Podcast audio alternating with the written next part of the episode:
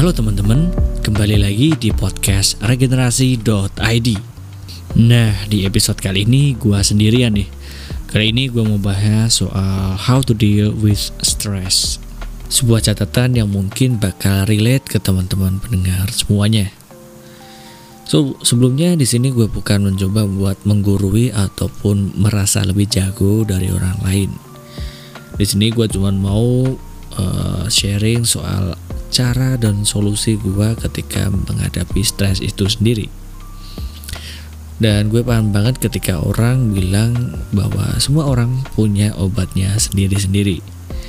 So, apa yang gue sampaikan ke depan ini bukanlah menjadi suatu hal yang pasti dan menjadi keharusan buat kalian semua lakuin. So, diharapkan kalian dapat memilih dan memilah apa yang telah gue share Stres, depresi, kecemasan, dan rasa takut. Gue yakin teman-teman sekalian gak akan asing dengan hal-hal kayak gini nih. Uh, ditambah lagi dengan perasaan bahwa kayaknya lingkungan-lingkungan gue gak ada yang peduli nih. Atau kayaknya gak ada tempat cerita ya gitu.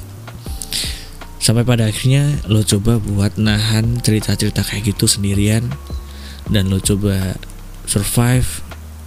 Tapi akhirnya lo sadar bahwa bukan kesembuhan yang lo dapet tapi justru perasaan-perasaan yang makin mencakar-cakar di dalam pikiran.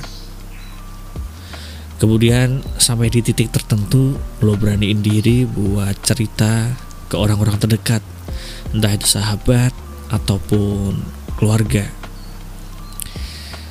Lo mungkin bakalan expect bahwa mereka akan menjadi orang yang paling mengerti. Tapi justru mungkin jawaban-jawaban paling mainstream dari mulut mereka yang keluar.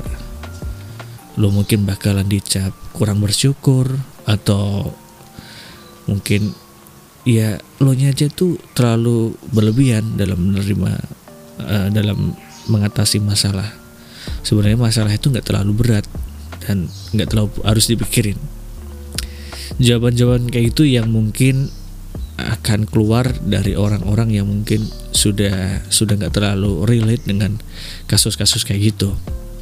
Dan ya memang benar apa yang sebagian orang bilang. Kalau sebagian dari kita nggak suka gitu harus harus berepot-repot ngasih solusi ke orang lain meskipun hanya dengan mendengarkan aja gitu. Jarang sekali orang mau mendengar masalah dengan melihat sudut pandang dari si pencerita Terkadang justru sebagian orang merasa kita harus puas dengan jawaban yang mereka ucapkan. Dan lucunya, ketika jawaban mereka nggak cocok nih buat kita terapin, kita malah kena judge bahwa kita ini kok susah ya dibilangin gitu. Tapi ya udah gitu. Mungkin kitanya juga salah dengan ngobrol orang dengan ngajak ngobrol seseorang yang mungkin kurang paham akan hal tersebut. Atau mungkin memang seperti itu cara dia menghadapi masalah-masalah yang dia alami. Jadi kita juga harus hormati bahwa solusi yang mereka uh, anjurkan itu mungkin cocok buat mereka dan nggak cocok buat kita. So di sini gue pengen sharing soal cara gue menghadapi stres itu sendiri di masa lalu.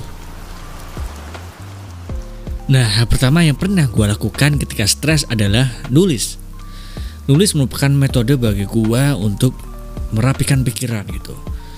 Di dalam nulis gue bisa merangkum semua hal yang terjadi di hari ini misalkan. Dan gue bisa memilah dan memilih hal apa aja yang istilahnya mungkin berefek baik di masa depan dan mengeliminasi hal-hal yang kurang penting buat gue di masa depan. Ada sebuah artikel dari suara.com. Penulis buku Right into Hill, Dr. James Penbaker mengatakan bahwa terjadi peningkatan fungsi kekebalan tubuh saat menulis. Biasanya stres akan menyebabkan hambatan emosional. Dengan menulis, Seseorang dapat menerjemahkan pengalamannya ke dalam bahasa sehingga membebaskan dirinya dan beban yang dialaminya. So, oleh karena itu, menulis dapat menjadi penyembuhan yang baik secara emosional, fisik, dan psikologis. Penelitian juga menunjukkan pelepasan emosi dari menulis dapat menurunkan kecemasan, stres, dan mendorong tidur yang lebih baik. Nah, so nulis adalah salah satu hal yang penting banget untuk kalian coba.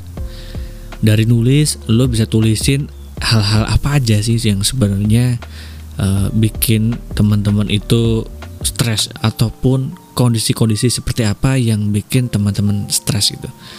Dari dari situ lo bakal tahu gitu. Lo itu kelemahannya di mana dan cara menghadapinya kayak apa. So, cobalah nulis untuk beberapa hari ini dan perhatikan setiap kejadian dan coba lo resapi kemudian lo olah dan lo pahami diri lo sendiri. Nah yang kedua adalah gua mencoba aktivitas baru nih. Mencoba aktivitas atau kebiasaan baru yang justru belum pernah terpikir sebelumnya. Atau mungkin sebenarnya udah pernah terpikirkan cuman kitanya aja yang mungkin mager atau atau mungkin belum belum kepengen pengen banget. Nah dari situ lo bisa lakuin ya kayak hal-hal seperti jogging ataupun bersepeda atau baca buku atau mungkin denger podcast yang mungkin topiknya itu jarang banget lo denger. Nah dari situ kita bisa dapat insight baru yang mana bisa buat pikiran kita itu lebih luas dan mungkin punya perspektif baru yang bakalan buat kita itu makin apa ya mungkin makin bersyukur dan mungkin makin makin pandai buat dealing sama masalah-masalah kita. Nah untuk cara yang ketiga yang pernah gue lakukan adalah kembali ke passion. Cara yang ketiga ini mungkin bahkan paling seru ataupun paling nyenengin yang bakal lo nikmatin gitu siapa tahu ketika di fase-fase kayak gini justru lo punya kesempatan buat ngembangin ataupun memperdalam passion lo siapa tahu dengan dengan adanya fase kayak gini lo justru punya kesempatan baru yang mungkin belum pernah lo expect sebelumnya gitu loh.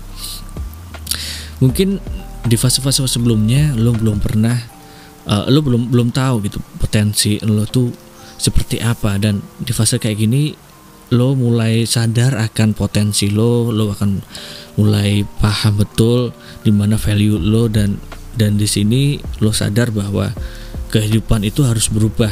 Nah berubah dari mana? Ya mulai dari hal-hal yang mungkin kita sukai atau kita kita benar-benar paham betul kemampuan kita gitu. Nah dengan ketiga cara tadi stres kita mungkin bisa sedikit berkurang dengan bertambahnya kesibukan uh, yang kita alami gitu. Mungkin habit-habit baru yang lebih positif ataupun uh, apa ya mungkin pandangan-pandangan baru yang lebih lebih positif juga. Nah tapi ada satu lagi sebuah cara yang yang sebenarnya cukup opsional ketika mau mau kalian lakuin atau enggak. Ini adalah cara keempat yaitu menjadi pendengar. Kita tentu paham banget ketika kita itu sebenarnya pengen didengar tapi nggak ada tempat untuk menyampaikan hal-hal kayak gitu. So di luar sana juga banyak banget orang-orang yang mengalami hal yang sama gitu. So kenapa kita nggak nggak nggak mencoba jadi sosok pendengar itu gitu? Siapa tahu ketika kita dengar dan kita istilahnya mencoba mendalami sudut pandang dia kita justru jadi paham dan nemuin solusi buat masalah kita dari masalah orang-orang itu tadi gitu.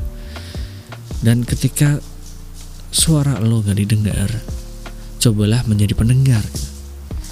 Karena mungkin pahamilah justru kita ini adalah orang-orang yang mungkin satu-satunya orang yang mau dengerin dia. Dan dari sini bisa saja kita itu menjadi penyelamat untuk orang-orang yang tadi karena di dunia ini masih jarang banget orang yang mau dengerin kisah temennya ataupun kisah saudaranya dari sudut pandang yang bercerita.